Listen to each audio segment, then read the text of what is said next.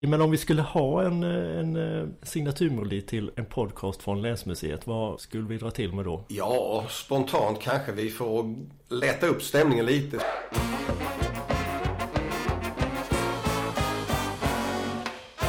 Hej och välkomna till Kulturparken Smålands podcast. Jag heter Petter Eriksson och är programansvarig här på museet. I likhet med flera andra arrangörer runt om i landet har museet fått ställa in en del föreläsningar och arrangemang i närtid. Dock inte alla.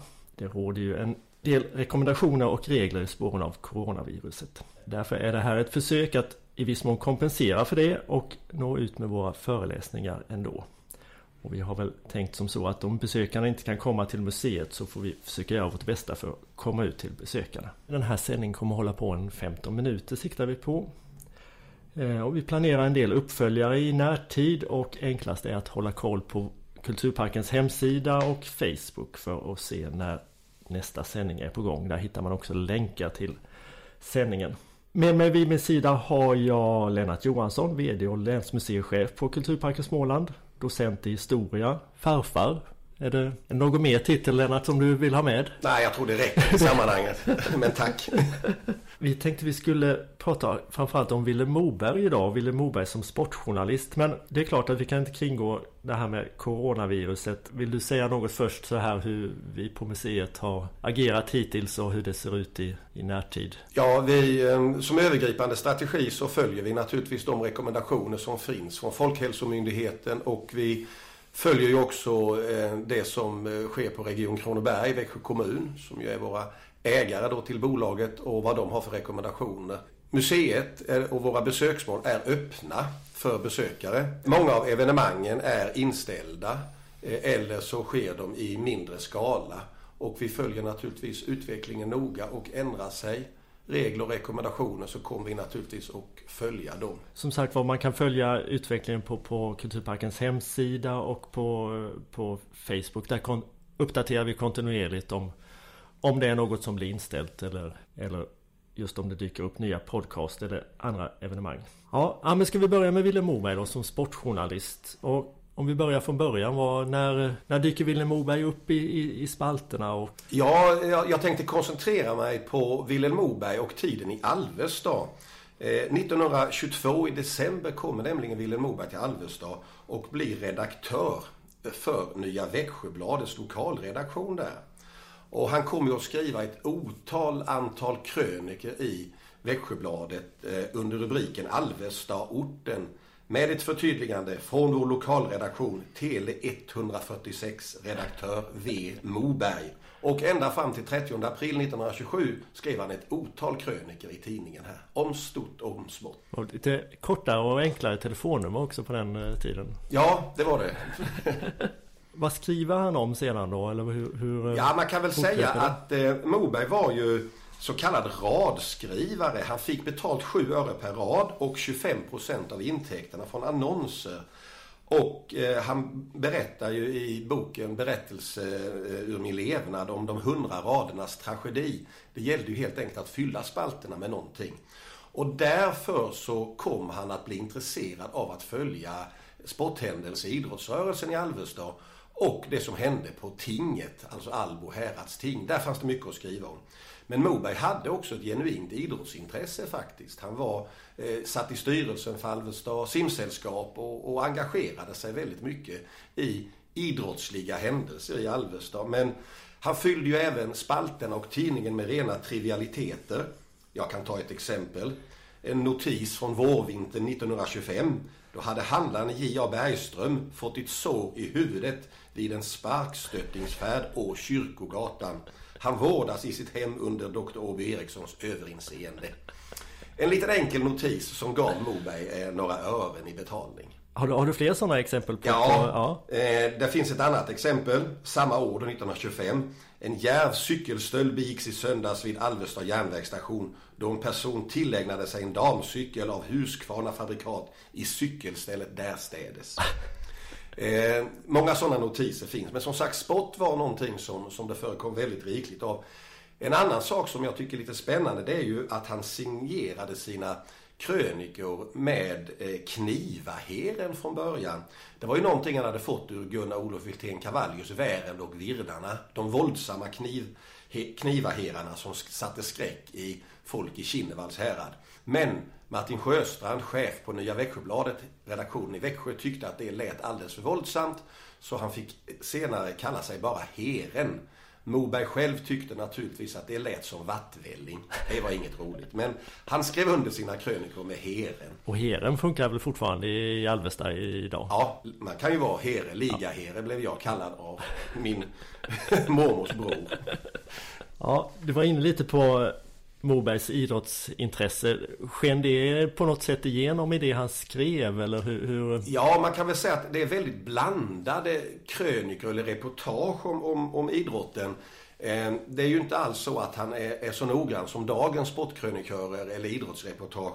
I vissa fall får man inte ens reda på hur en fotbollsmatch slutade utan han ägnade intresse åt annat. Men han var även då på, jag ska återkomma till fotbollen för det var den stora idrotten i Alvesta. Men vi har ett exempel här att han följde Alvesta skidklubb i januari 1923. Och eh, här vet man inte vem som vann, men så här skriver Moberg. Alvesta skidklubb hade i söndag sin första utflykt med Blädinge som mål. Tolv av klubbens medlemmar deltog i densamma. Skidföret var ganska gott. I terrängen var det dock för tunt snötäcke för löpning. De flesta deltagarna vore yngre, ovana löpare.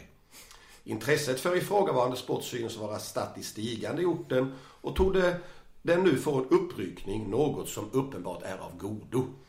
Men vem som vann tävlingen, det får vi inte veta. Eh, det verkade också vara rätt stor osäkerhet kring regler. Om det nu var de idrottsutövarna som inte fattade det eller om det var Moberg. Det var nämligen en liten märklig match i vattenpolo 1923 mellan Alvesta simsällskap och Jönköping. Då slutade matchen 1-1 och Moberg och de deltagande stod förvånade. Så hur gör vi nu? Då kom de överens om att man skulle fortsätta till något av lagen gjorde mål. Och eh, det blev slutresultatet. Så det förekommer en del sådana lite lustiga regeltolkningar också. Där ja. Jag vet inte om det var Moberg som inte visste eller till och med spelarna inte visste. Eh, Moberg var ju också lite märklig på det sättet att han kommenterade gärna publiken och ibland även domaren. Eh, jag har ett ganska roligt citat här, eh, augusti 23, när Alvesta möter Växjö BK. Då skriver Moberg, en del yngre element, däribland med en mantalsskrivningsort såväl i Växjö som Alvesta, höll på att spräcka sina struphuvuden under matchen det var ett skrän och ett bräkande som om ett par hundra får på en och samma gång legat på slaktbänken. Det är nog bra med lokalpatriotism, men dessa uttryck skulle hållas inom vissa gränser, skriver Moberg. Och ett annat roligare exempel. Eh, Karlshamn gillade han absolut inte. Eh, och i september 26 så var det stor publik i Alvesta, uppåt 700 personer. Men Moberg var inte speciellt entusiastisk över supportrarna från Karlshamn så här skriver han. Från Karlshamn hade infunnit sig ett hundratal personer. För stadens skull vill jag vi hoppas att dessa icke är representativa för invånarnas moraliska halt. De flesta Karlshamnsborna vore nämligen svårt berusade och uppförde sig som veritabla busar. Man skulle ha kunnat bötfälla 90% av dem för fylleri, oljud och förargelseväckande beteende. Ordningsmakten måste inskrida då deras livsglädje tog sig allt för starka uttryck. Till nästa match härstädes mot Karlshamn måste vi nog göra finkan större. Såvida inte staden skickar hit trevliga publik då. Söndagens vilja vi inte se här mera. Men Karlshamn återkom. Jag vet inte om de var lika fulla då som första gången, men så var det. Det är ändå eh, hårda ord. Eh, tycker du att du känner igen Willem Moberg även ja, i, jag tycker i jag, alltså det här ganska mustiga språket och han var ju inte speciellt räddhågsen av sig, inte ens här när han var 24-25 år. Och det, det återkommer ju längre fram och inte minst då eh, de jag ska säga, politiska strider som han var, var med i Haijby-affären och kritik mot eh, socialdemokratin, kungafamiljen med mera då. Och på något sätt så redan här som ung journalist så var han inte rädd för att sticka ut eh, och klaga. Han var inte heller rädd för att klaga på domaren exempelvis. Möte mellan Alvesta och Kalmar AIK september 26 slutar med en 2-1-seger för Kalmar. Då går Moberg till angrepp mot domarinsatsen. Domaren herr Bäckman från Eksjö skänkte Kalmarlaget segern. En minut före fulltid genom att tilldöma dem en straffspark som var uppenbart felaktig. Om det håller vad söndagens spel lovar så vinner det nästa gång. Under förutsättning att det då får spela mot blott 11 man. Den tolfte hade denna gång visselpipa i munnen. Skriver Moberg. Eh, det, och det är väl kanske någonting, nu har väl sportjournalister blivit lite mildare i det, men det har väl ändå varit en tradition att om favoritlaget, eh, det lag man håller på då från tidningens sida, förlorar så är väl domaren oftast en bidragande orsak till det. Så där är väl Moberg i gott sällskap. Även den här eh, lokalpatriotismen eller, eller eh, finns ju kvar i sportjournalistiken inte minst. att Där, där behöver man ju inte förhålla sig så objektiv utan det är ju helt okej okay att skriva vilket lag man... Att man håller liksom på det lokala laget eller på Sverige om det är fotbolls-VM eller sådär. Ja, det är väldigt tydligt. Sport ja. är ju som sagt som du säger, både när det är landslag som spelar så är man ju liksom nationalist och ja. svensk ut i fingerspetsarna. Och sen när man har de lokala lagen så, så är det ju ofta så. Det, det är ju någonting som finns både i Sverige, det är kanske ännu tydligare om vi går till de brittiska öarna där man ju liksom verkligen håller på, på sitt lag. Att eh, sitta i, någon, i Swindon och hålla på Manchester United, det går liksom inte. I en del reportage också så försöker ju Moberg ändå analysera spelet. Eh, kanske inte med någon större briljans men vi har en eh, match här från 1925 då Alvesta möter BK Sparta som senare då slås samman och blir Växjö BK. Då analyserade Moberg varför Alvesta förlorade med 4-2. Kanske ingen jättefin analys, men ändå. Hade det bara funnits någon i kedjan som kunnat skjuta så hade siffrorna kunnat vara annorlunda. Nu presenterade forwards ett rörligt spel med ynkliga målskott.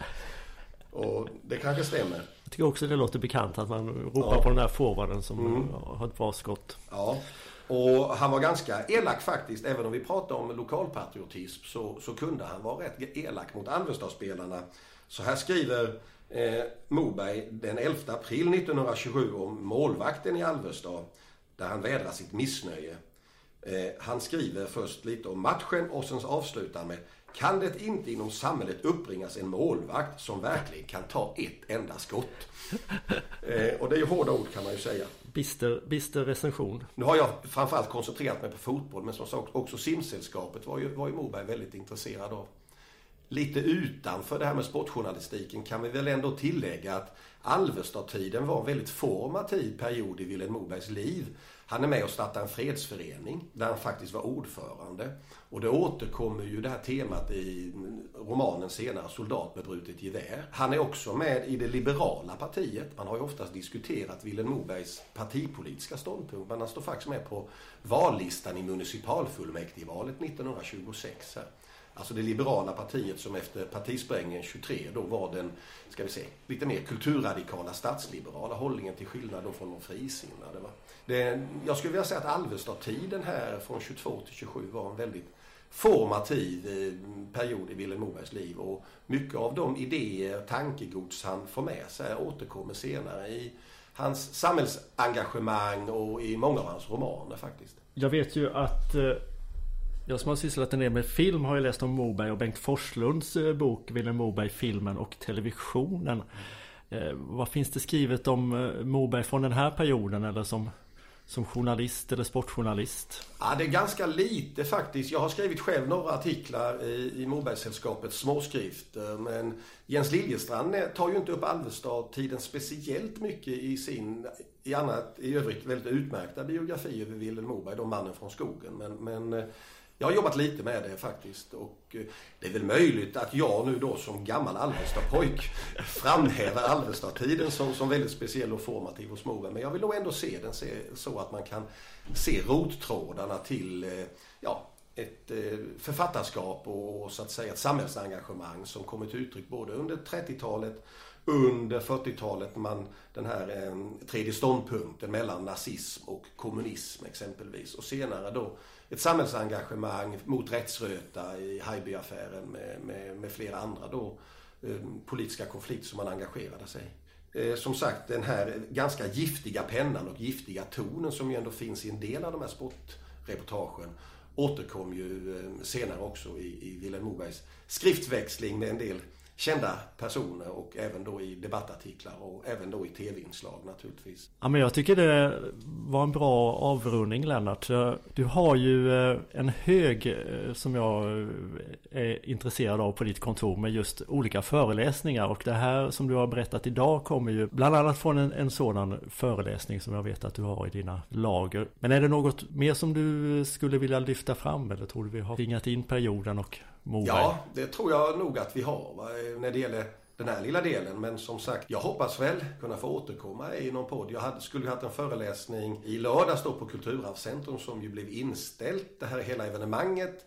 Lite om andliga rörelser i Växjö stift under 1800-talet. Och där finns en del spännande saker att lyfta fram om begreppet mörkaste Småland, om skillnaderna mellan de olika delarna av Småland, både religiöst, politiskt och även då kulturellt faktiskt, som kanske kan vara intresse av, för, eller för publiken här. Då tackar vi så mycket för idag och så hoppas jag att vi snart hörs igen. Tack och hej!